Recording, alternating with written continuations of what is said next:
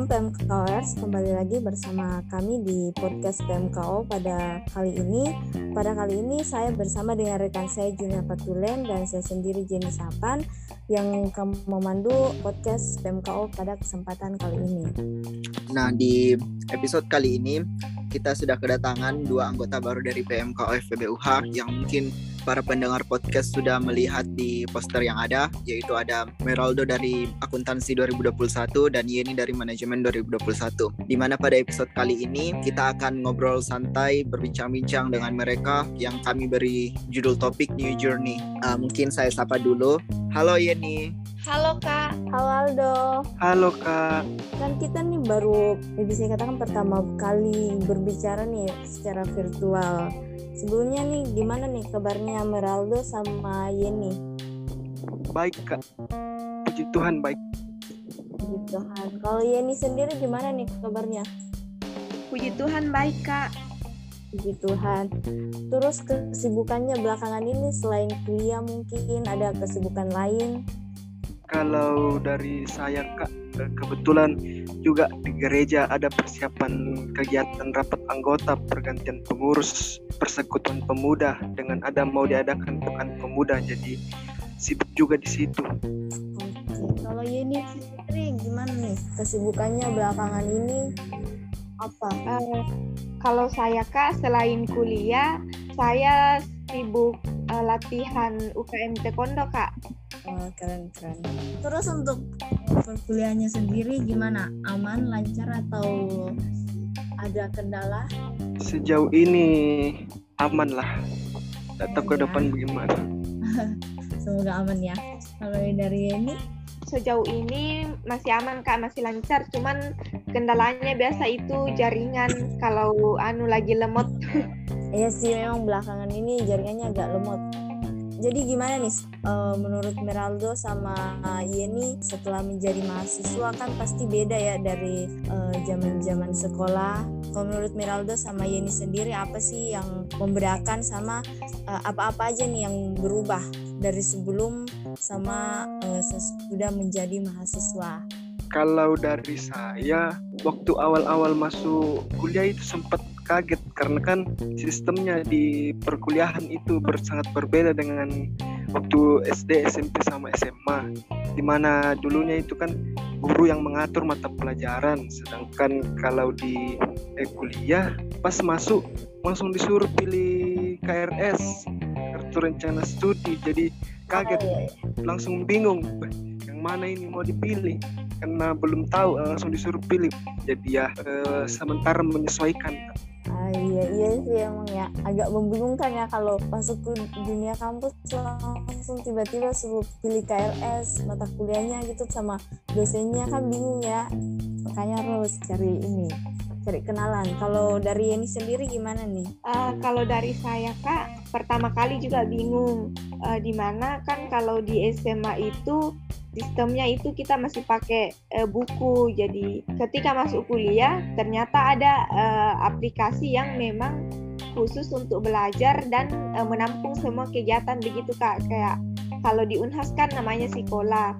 Kemudian selanjutnya itu kalau siswa itu masih menunggu in, instruksi dari uh, guru, tapi kalau mahasiswa itu mahasiswa itu kayak lebih dituntut untuk lebih belajar mandiri dan bertanggung jawab. Begitu sih kak. Oke iya sih ya. Uh, saya rasa yang Miraldo sama ini alami tuh nggak jauh beda lah sama kita. Baru masuk dunia kuliah tuh pasti ngalaminya yang itu itu dulu nih. Jadi mau nggak mau kita harus cepat beradaptasi gitu ya. Kalau enggak kita akan ketinggalan.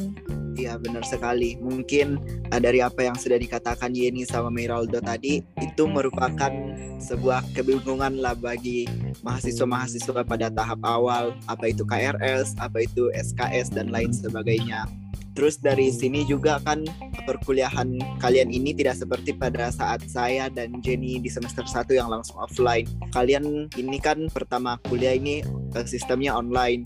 Uh, mungkin saya ingin uh, menanyakan suatu pertanyaan yaitu bagaimana pendapatnya kalian terkait sistem perkuliahan online ini di mana kalian baru semester awal tetapi langsung dihadapkan dengan sistem pembelajaran online.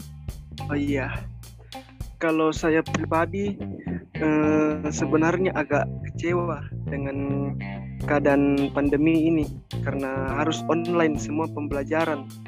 Dulu kan waktu SMA sudah diimpi-impikan kalau misalnya masuk kuliah bisa bebas, pakaian bebas, sepatu bebas. Eh tiba-tiba pandemi jadi yang apa eh, semangat-semangat kuliahnya itu yang sebelumnya sudah semangat sekali mau masuk mau masuk ketemu teman baru eh, situasi baru sistem-sistem pembelajaran baru tiba-tiba online jadi tidak terlalu kalau menurut saya tidak terlalu jauh beda sih dengan SMA ini yang semester satu. Cuma itu sih tadi yang perbedaan perbedaan masalah harus pilih sendiri mata pelajaran dan lain-lain. Tapi kalau dari sistemnya itu hampir sama yang pembelajaran online-nya karena sama-sama jadi tidak ketemu. Sama-sama jadi di rumah. Walaupun ya eh, sekali-sekali ke kampus tapi bukan untuk belajar biasa untuk main-main saja. Kalau dari saya begitu kak. Oh iya. Uh, mungkin dari ini gimana? Uh, kalau dari saya kak pas SMA itu kan uh, di kelas 12 itu kan sudah mulai muncul pemikiran uh, oh saya mau kuliah di sini uh, ambil jurusan ini. Nah saya pribadi ketika waktu kelas 12 itu uh, saya sudah berangan-angan di pasti enak ini kalau kuliah ki. Uh, tidak ada nih yang atur-atur ki. Tidak ada nih kayak bebas ki. Begitu kan kak? Nah terus uh, pas lihat postingan-postingannya kakak kelas jadi termotivasi begitu kak. Di enaknya kakak kelas sekarang sudah kuliah kita masih SMA jadi kayak berangan-angan begitu. Bagaimana nanti kalau masuk juga kuliah? Tetapi kenyataannya realitanya pas masuk kuliah ada covid jadi kayak apa merasa wah sia-sia sekali dari SMA dinanti-nantikan nih masuk kuliahnya offline perkenalan-perkenalannya offline. Tapi uh, realitanya karena covid jadi harus online. Jadi saya juga uh, merasa kecewa karena selama uh, di SMA itu yang paling saya impi-impikan itu ketika masuk di perkuliahan. Begitu kak jadi bisa disimpulkan bahwa Miraldo dan Yeni sama-sama ingin kuliah offline seperti yang uh, kalian impikan. Nah dari sini uh, mungkin kalian sudah mendengar kabar bahwa di pertemuan ke-11 nanti yang mana itu adalah minggu depan uh, akan diadakan perkuliahan secara offline online. Nah gimana kalian menyikapi hal itu? Kalau dari saya Kak, tentunya mendengar kabar kalau pekan ke-11 mau ada pembelajaran uh, offline itu tenang, semangat karena sepertinya ini yang di, mau dari sebelum-sebelumnya mau offline.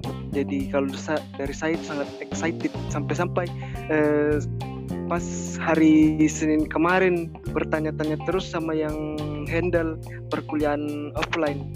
Bilang kak kapan ini perkuliahan offline? Bukan minggu ini kah saking semangatnya.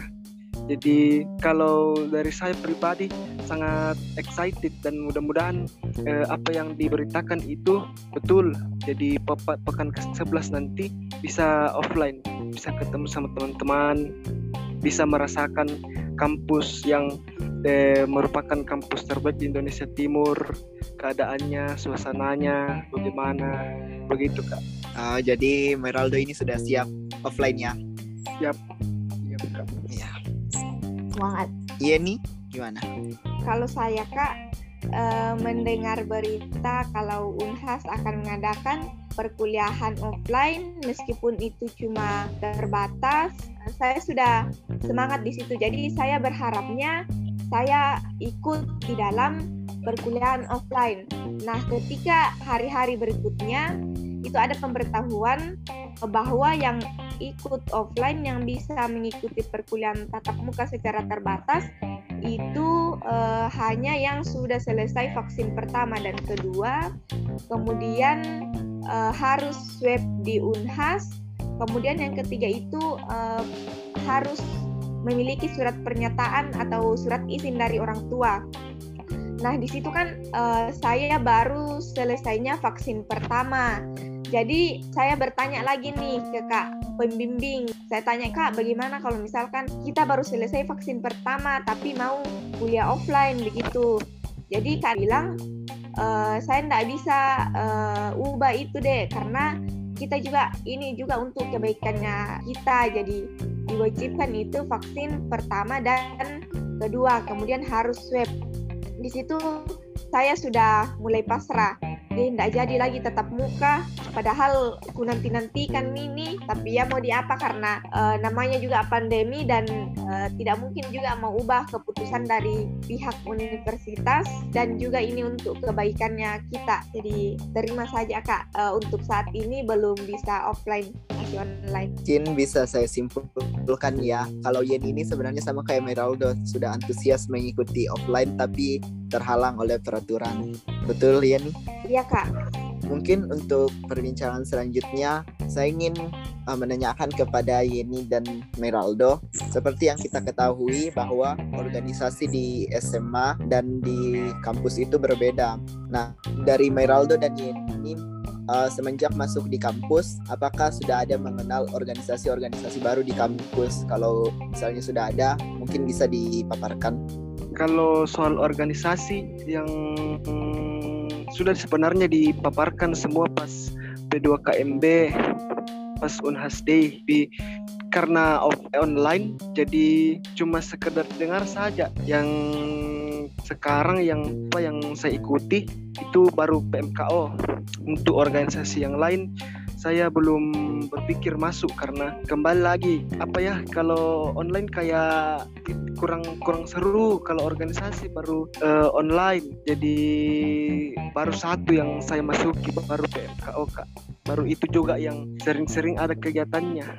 Kalau dari saya itu kak. Ah, ya oke. okay. Uh, kalau dari Yani mungkin? Kalau dari saya kak, uh, yang pertama itu UKM Taekwondo. Jadi selesai uh, mendengar berita di di hari Unhas Day, uh, itu ada uh, organisasi taekwondo.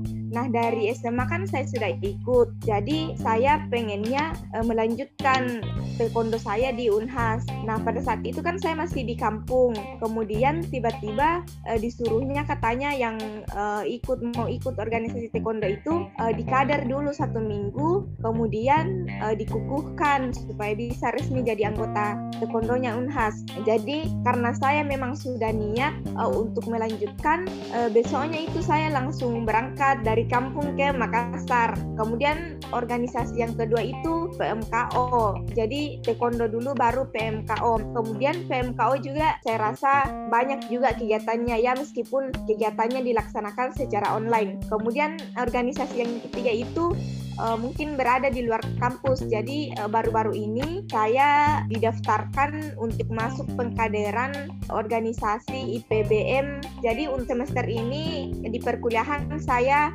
uh, bisa dikatakan sudah mengambil uh, tiga organisasi, begitu kak? Luar biasa ya Yeni.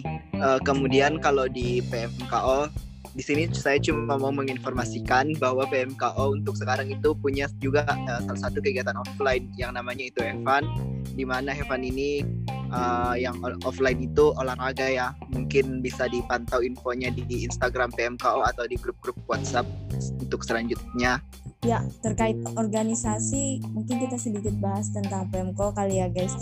Kemarin kan e, Merando dan juga Yeni sempat ikut maper PMKO. Nah, dan juga kemarin Yeni sama Meraldo sempat masuk dalam e, beberapa kategori nominasi ya. Jadi kayak kayak e, lihatnya tuh kayak semangat banget nih ikut e, maper PMKO.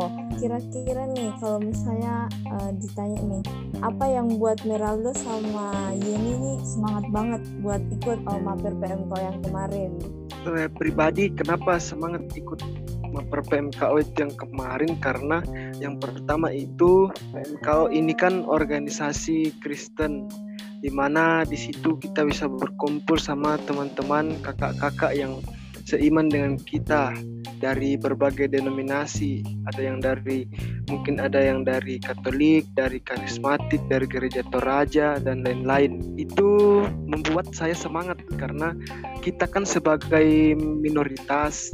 Jadi dengan adanya PMKU ini saya berharap mudah-mudahan kita bisa solid sebagai satu iman di dalam Kristus Tuhan kita. Jadi mudah-mudahan ke depannya kalau uh, offline bisa berkumpul sama-sama dan bisa ke berkegiatan yang positif sama-sama bertumbuh sama-sama melayani di dalam Tuhan. Jadi itu yang membuat saya semangat. Dan kedua itu saya ingin tahu bagaimana sebenarnya sejarah PMKO ini dari awal ternyata sejarah PMKO ini juga menyimpan banyak bisa dikatakan banyak dikaliku ada berbagai masalah yang dihadapi. Tapi dengan semangat dari kakak-kakak yang pendahulu founder dari PMKO ini sampai akhirnya PMKO bisa sampai saat ini di mana sekarang itu sudah kalau didengar dari ceritanya kakak-kakak dari sejarah-sejarahnya sudah banyak perkembangan jadi itu yang membuat saya semangat ikut PMKO terima kasih kak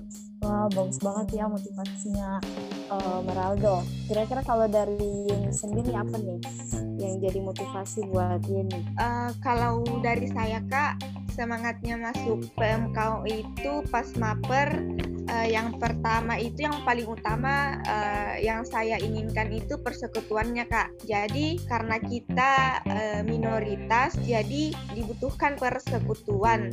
Nah menurut saya PMKO ini tempat yang pas dan paling cocok untuk uh, bersekutu bersama. Kemudian uh, yang kedua itu uh, selain kita persekutuan, di persekutuan itu kita bisa uh, mencari pertemanan atau menambah relasi. Nah, yang membuat saya uh, lebih semangat lagi itu ketika pada saat mengikuti Maper, saya lihat PMKO itu uh, rasa solidaritas, rasa pertemanan dan kerjasamanya itu sangat terjalin. Jadi di situ saya termotivasi uh, bagaimana caranya supaya saya juga uh, bisa berkontribusi di PMKO dalam hal berkontribusi uh, dengan mengikuti jejak-jejak kakak-kakak ya di PMKO itu kan masih banyak kakak-kakak yang sudah dari uh, alumni ataupun tahun-tahun yang jauh di belakangnya. Jadi saya rasa PMKO memang rasa kesolidaritasannya itu memang tinggi. Jadi itu yang membuat saya ketika mengikuti maper itu uh, menjadi semangat. Begitu kak. Uh, luar biasa sekali yang uh, motivasi dari ini sama Meraldo. Nah, karena uh, semangatnya Meraldo sama Yeni ini besar banget, jadi ke depannya kita harap semoga Yeni sama Meraldo nih lebih aktif ya di PMKO uh, dan juga eh dari Yeni sama Meraldo sendiri nih apa nih harapan-harapannya untuk PMKO ke depan? Iya kak, jadi harapan saya untuk PMKO ke depannya itu semoga PMKO bisa semakin uh, bertumbuh, semakin solid di dalamnya persekutuannya semakin terjaga, terjalin dengan baik. Saya juga berharap PMKO bisa menjadi tempat untuk lebih mengenal Tuhan dan berproses melayani dan bersekutu. Amin. Ya, kalau dari Yeni, apa nih harapannya buat kau ke depan? Uh, kalau dari saya hampir sama seperti Aldo. Jadi semoga PMKO ke depannya uh, bisa menjadi wadah untuk kita semua bertumbuh bersama, uh, menjalin persekutuan dengan baik, Kemudian saya berharap semoga PMKO semakin jaya ke depannya.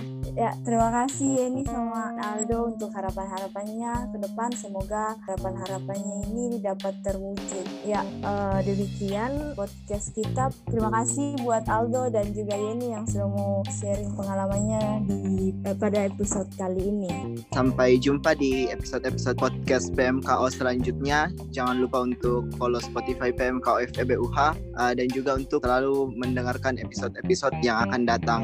Sampai jumpa di podcast selanjutnya. Shalom.